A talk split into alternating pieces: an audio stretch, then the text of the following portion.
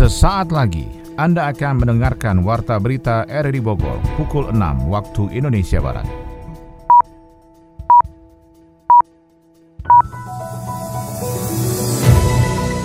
Selamat pagi dan salam jumpa. Hari ini Rabu 28 Juli 2021 kami kembali menghadirkan Warta Berita untuk edisi hari ini yang bisa Anda dengarkan selain lewat RRI Bogor, Anda bisa dengarkan di aplikasi RRI Play di perangkat smartphone Anda dan turut disiarkan radio Tegar Beriman Kabupaten Bogor.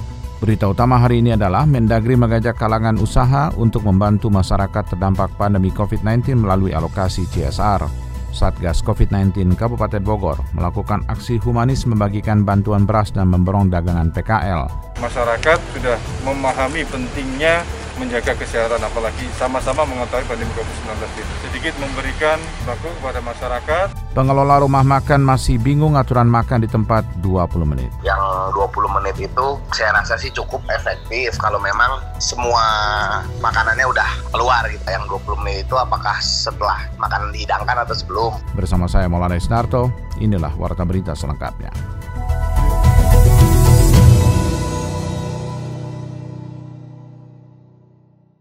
Mendagri Tito Karnavian mengajak kalangan dunia usaha dan semua pihak yang memiliki kemampuan gotong royong membantu masyarakat terdapat pandemi COVID-19. Menurutnya, bantuan dapat diberikan melalui alokasi anggaran tanggung jawab sosial perusahaan atau Corporate Social Responsibility dan Mendagri menyebut beberapa daerah telah menyalurkan bantuan kepada masyarakat terdampak pandemi melalui Badan Amil Zakat Nasional.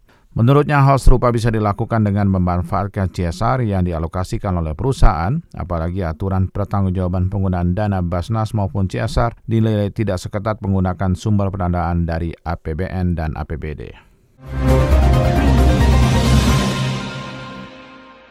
Satgas COVID-19 Kabupaten Bogor melakukan aksi humanis membagikan bantuan beras dan memborong beberapa lapak makanan dari PKL.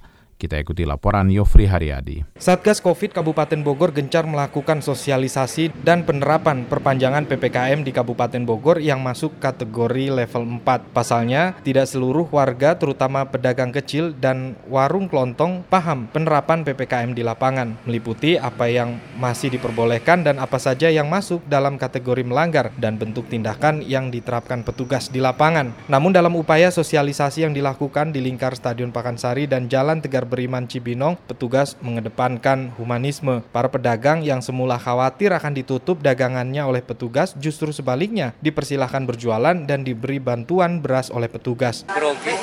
Grogi aja. Grogi. Berbakat. Mas, Mas Arif. Mas Arif ya, sudah merasa tenang bisa berusaha begini? Ya, belum sih. Ke- Kelamaan Pak. Tadinya kirain mau diapa-apain. Pada kesempatan yang sama pula, Kapolres Bogor AKBP Harun memborong beberapa lapak makanan dari para PKL di sekitar Jalan Tegar Beriman Cibinong. Wajah gembira pun tampak dari raut wajah para PKL. Kapolres Bogor mengatakan dalam penerapan PPKM harus mengedepankan humanisme namun tetap mendisiplinkan masyarakat agar pandemi dapat segera tuntas. Kita mengikuti peraturan dari pemerintah, kita tegakkan pelaksanaan protokol kesehatan tetap kita utamakan ya. Memang dalam PPKM level 4 sekarang ini ada beberapa yang mendapatkan kelonggaran terkait terutama kaki lima. Maka ini nanti kita cek bagaimana pelaksanaan di lapangannya, bagaimana dia harus menjaga protokol kesehatan, untuk terutama menjaga jarak di antara pengunjungnya. Tapi kita lihat tadi lebih banyakkan yang masih take away. Mereka juga menyadari apa, kepentingan kesehatan mereka sendiri juga lebih penting, lebih utama. Masyarakat sudah memahami pentingnya menjaga kesehatan apalagi sama-sama mengetahui pandemi COVID-19 ini. Sedikit memberikan sembako kepada masyarakat bisa sekiranya mengurangi bisa siapa tahu bisa membantu masyarakat dalam kekurangan tadi. Meski rumah makan telah diperbolehkan beroperasi dan makan di tempat dengan batas pembelian makan di tempat hanya tiga orang dan waktu 20 menit untuk makan di tempat ternyata masih dirasa kurang oleh warga. Salah satunya Tony, warga Cigombong menurutnya untuk pedagang ketoprak atau gado-gado butuh waktu lebih lama. Kan kita nunggu namanya warung makan dia masak dulu. Terus nyediain aja udah berapa menit. Terus kita habis makan kan pasti nurunin makanan ke perut, terus minumnya. Nggak mungkin bisa makan langsung keluar, langsung jalan. Yang bikin gado-gado kan misalnya kita mau makan di warung gado-gado, mesin gado-gado, bikin gado-gado aja udah berapa menit. Nggak mungkin lah 20 menit. Kalau saya pribadi, kasihan sama pemilik warungnya. Terutama itu yang tukang gado-gado, toprak, soto. Menyikapi kondisi masyarakat yang terdampak pandemi COVID ini, jajaran Polres Bogor juga memberi bantuan satu ton beras untuk polsek di bawahnya yang didistribusikan kepada warga tidak mampu terdampak COVID. Bantuan beras dalam kemasan 5 kg tersebut kini mulai didistribusikan di seluruh wilayah polsek di bawah jajaran Polres Bogor. Karang Taruna Kota Bogor turut menjadi fasilitator dalam penyaluran bantuan sosial serta melakukan program penyemprotan desinfektan bersama aparat masing-masing wilayah. Kita ikuti laporan Adi Fajar Nugraha. Langkah pemerintah Kota Bogor dalam menangani pandemi COVID-19 telah melibatkan peran lintas sektoral. Selain tenaga medis, Pemkot Bogor juga merangkul sejumlah organisasi kemasyarakatan seperti Pemuda dan Karang Taruna. Karang Taruna Kota Bogor pun mengambil perannya bersama pemerintah untuk melawan pandemi COVID-19 yang angka kasusnya semakin meningkat. Ketua Karang Taruna Kota Bogor Ian Mulyana mengungkapkan, para pemuda Karang Taruna telah melakukan sejumlah gerakan dalam menghadapi pandemi COVID-19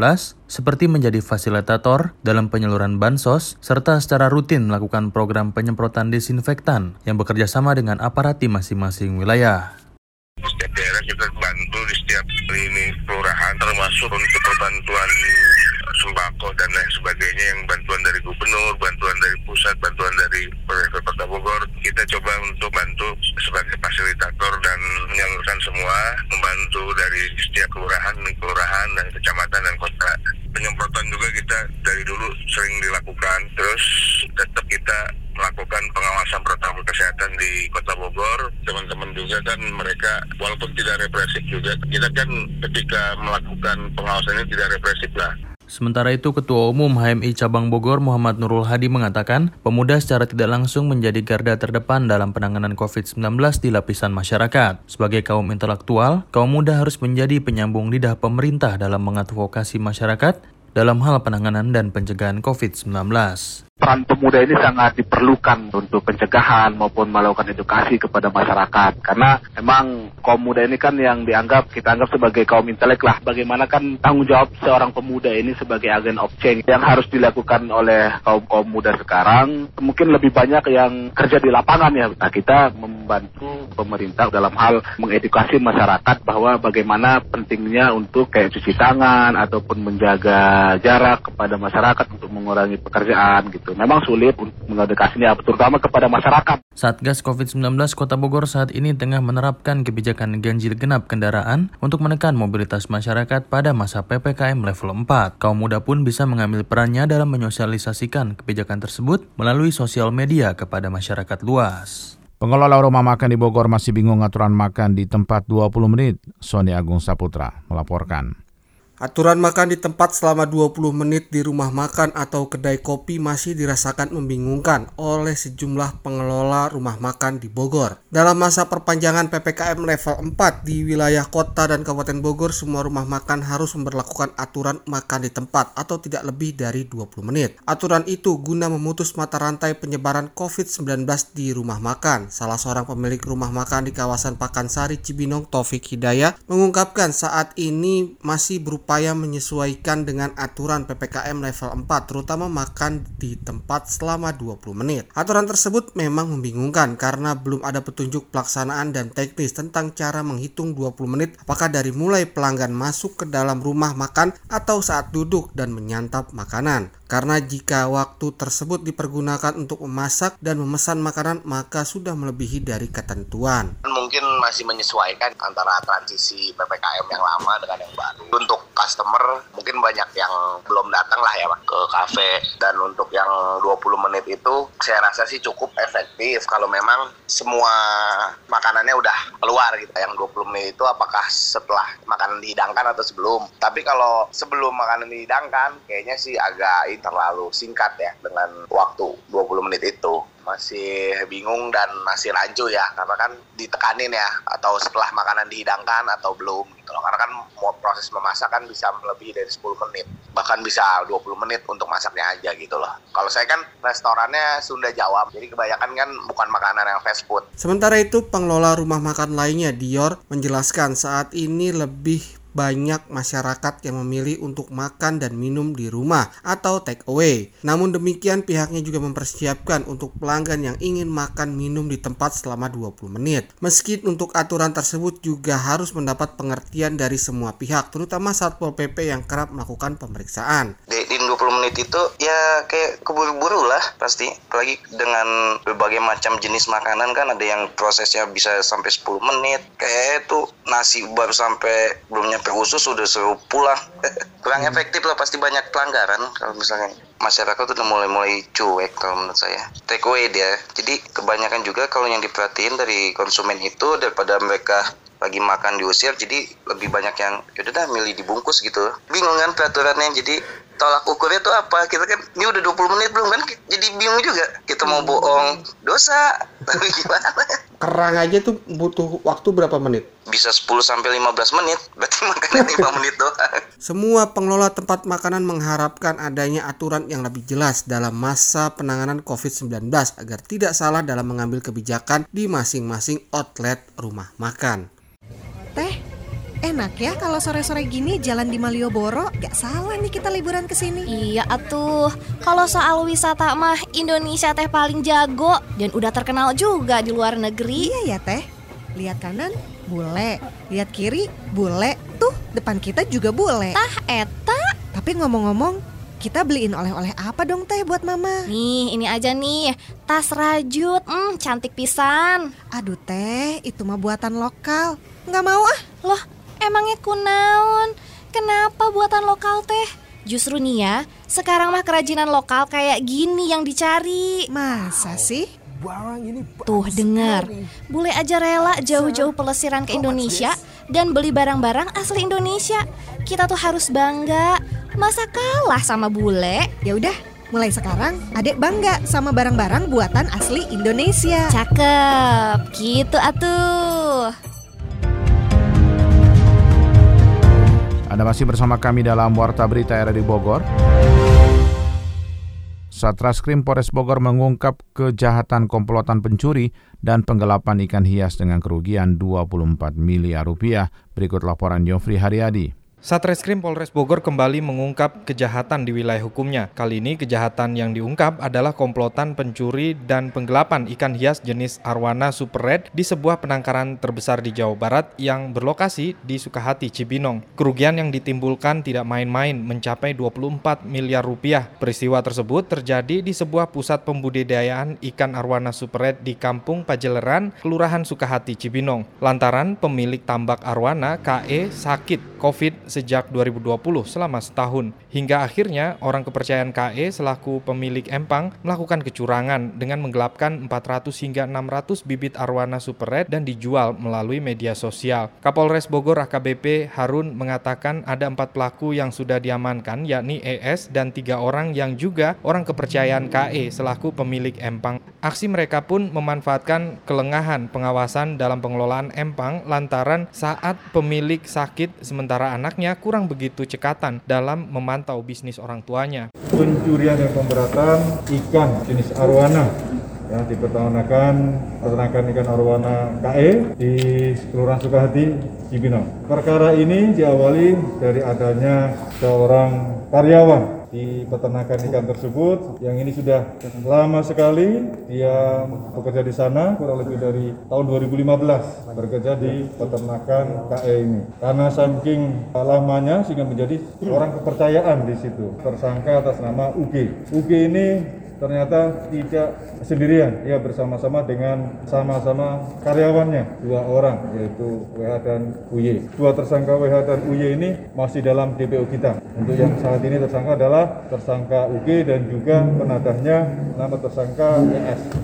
29 tahun. Kapolres Bogor itu pun mengungkapkan peristiwa di balik kejadian tersebut berawal dari kasus penggelapan tanah. Tersangka ES diketahui adalah petugas harian pengukur tanah di kantor ATR BPN Cibinong. Satu ekor bibit ikan arwana super red dijual Rp500.000 hingga 7 juta rupiah dan sudah lebih dari 400 ekor bibit dan ikan arwana dewasa terjual dalam aksi pencurian yang melibatkan banyak pelaku yang kini masih diburu petugas. Kemudian dia jual lagi kepada tersangka ES. Tersangka ES ini awalnya dia adalah seorang juru ukur di BPN karyawan lepas. Nah pada saat mengukur di peternakan KE ini ketemulah dengan tersangka UG.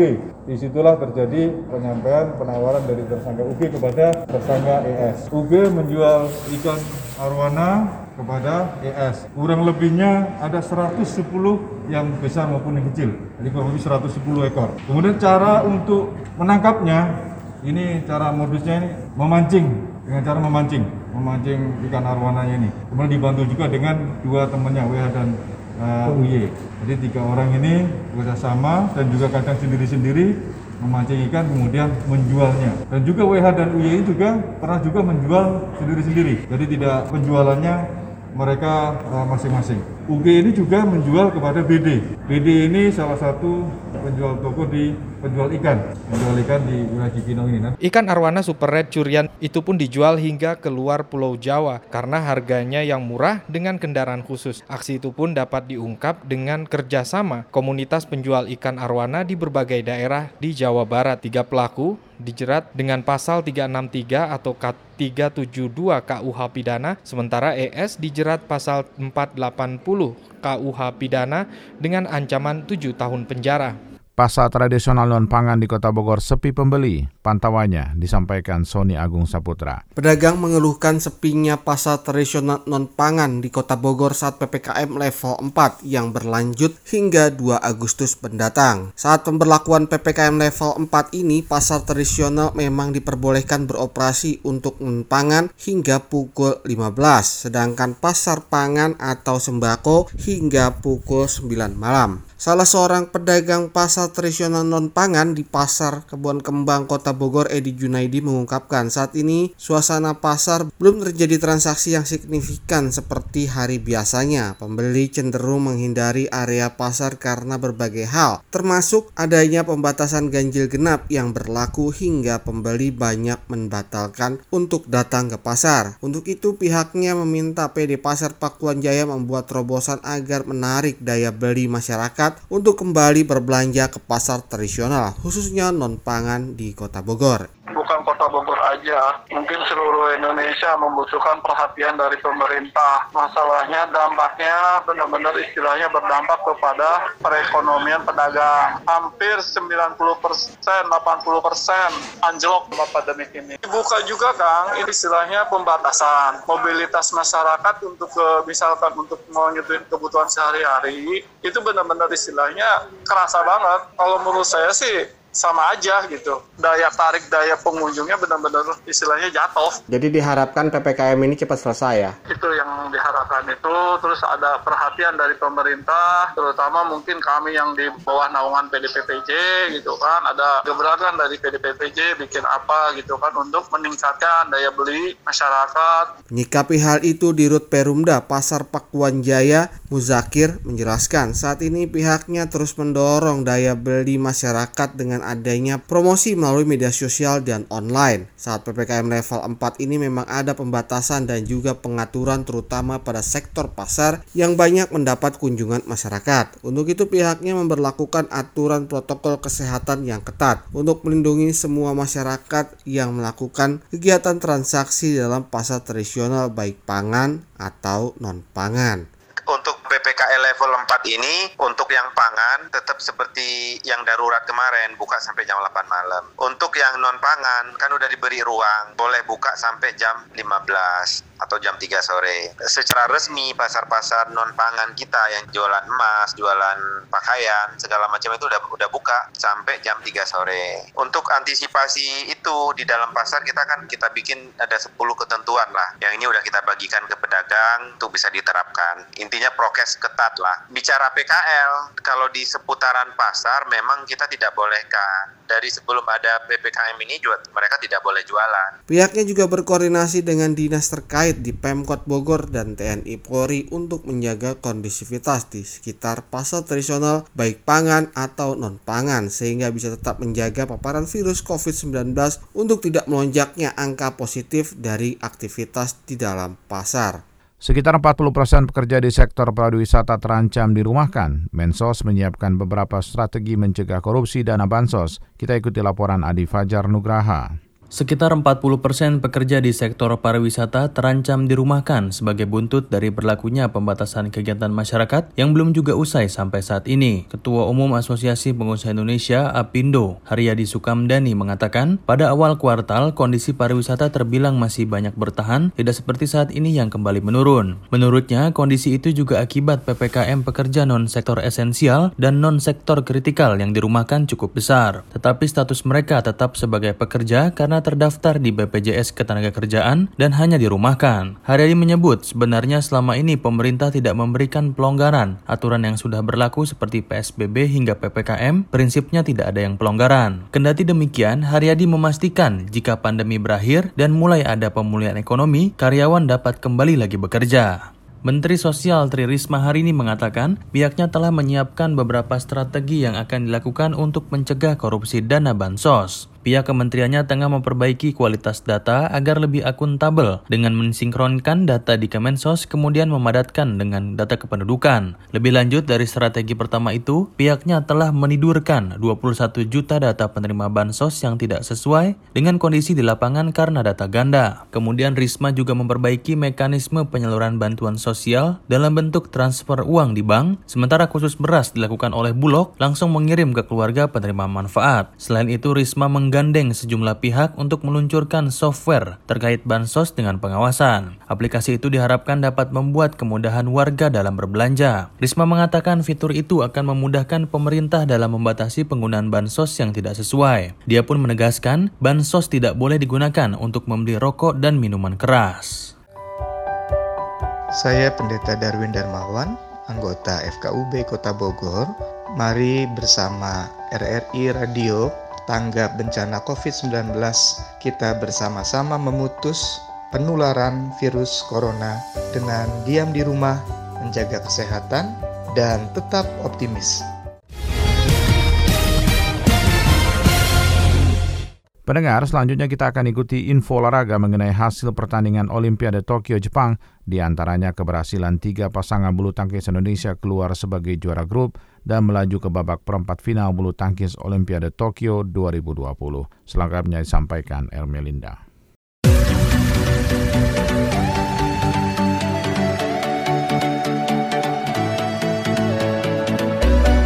Kevin Sanjaya Marcus Fernaldi Gideon keluar sebagai juara grup A cabur bulu tangkis Olimpiade Tokyo 2020 setelah kemenangan India atas Inggris Raya. Kevin Marcus sebelumnya kalah dari pasangan Taiwan Liang dan juga Wang Chilin pada partai terakhir Selasa pagi waktu Indonesia bagian Barat. Minions kalah 3 game dengan 18-21, 21-15, dan 17-21 di Musashino Forest Sport Plaza Tokyo. Meskipun sudah lolos ke perempat final usai memenangi dua partai awal, kekalahan ini membuat Kevin dan Marcus sementara menjadi runner-up grup. Ini tentu merugikan mereka karena bisa saja bertemu lawan tangguh di fase gugur. Maka dari itu, Kevin dan Marcus berharap pada pasangan India Chirag Sethi dan juga Satwik Sairaj mengalahkan pasangan Inggris Raya yaitu Ben Lane dan juga Sin Fendi. Keinginan Kevin Marcus tersebut tercapai karena Sethi dan juga Reddy berhasil mengalahkan Lane dan juga Fendi di dua game langsung 21-17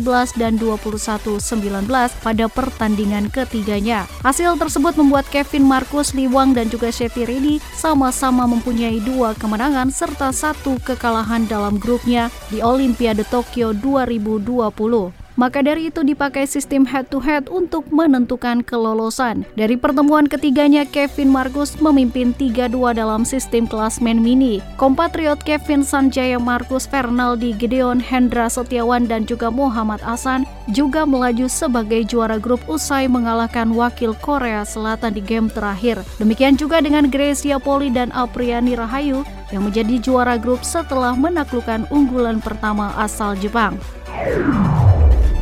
Indonesia kembali gagal di cabang panahan Olimpiade Tokyo 2020 dari nomor individu putra Arif Dwi Panggestu kandas di babak 32 besar.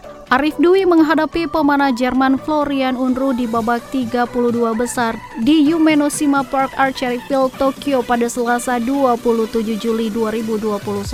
Laga sempat berjalan ketat di set pertama Florian memimpin setelah mengemas 28 poin, unggul 4 poin dari Arif Dwi. Di set kedua wakil Indonesia membalas, Arif Dwi bisa membuat skor menjadi 1-1. Setelah Arif Dwi Pangestu mengemas 28 poin, unggul 2 poin dari lawannya. Namun di dua set berikutnya, Florian bisa mengemas kemenangan dan masing-masing 28-24 dan 27-25.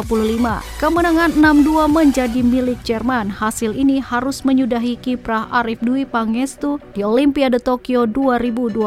Kekalahannya juga menjadi yang kedua di telan Indonesia.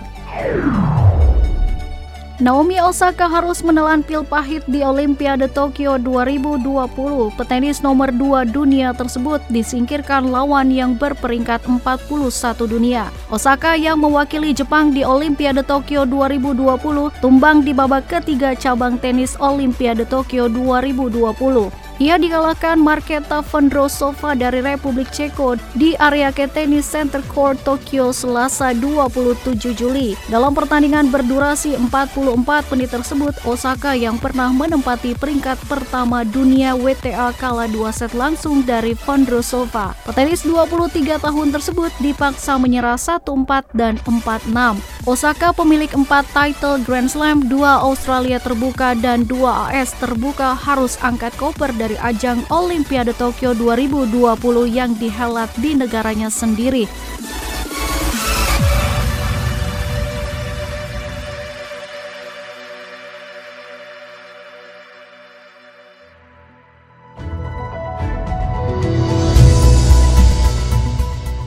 Demikian rangkaian informasi dalam Warta Berita di edisi hari ini. Sebelum kami akhiri, kami sampaikan kembali berita utama. Mendagri mengajak kalangan usaha untuk membantu masyarakat terdampak pandemi COVID-19 melalui alokasi CSR. Satgas COVID-19 Kabupaten Bogor melakukan aksi humanis membagikan bantuan beras dan memborong dagangan PKL.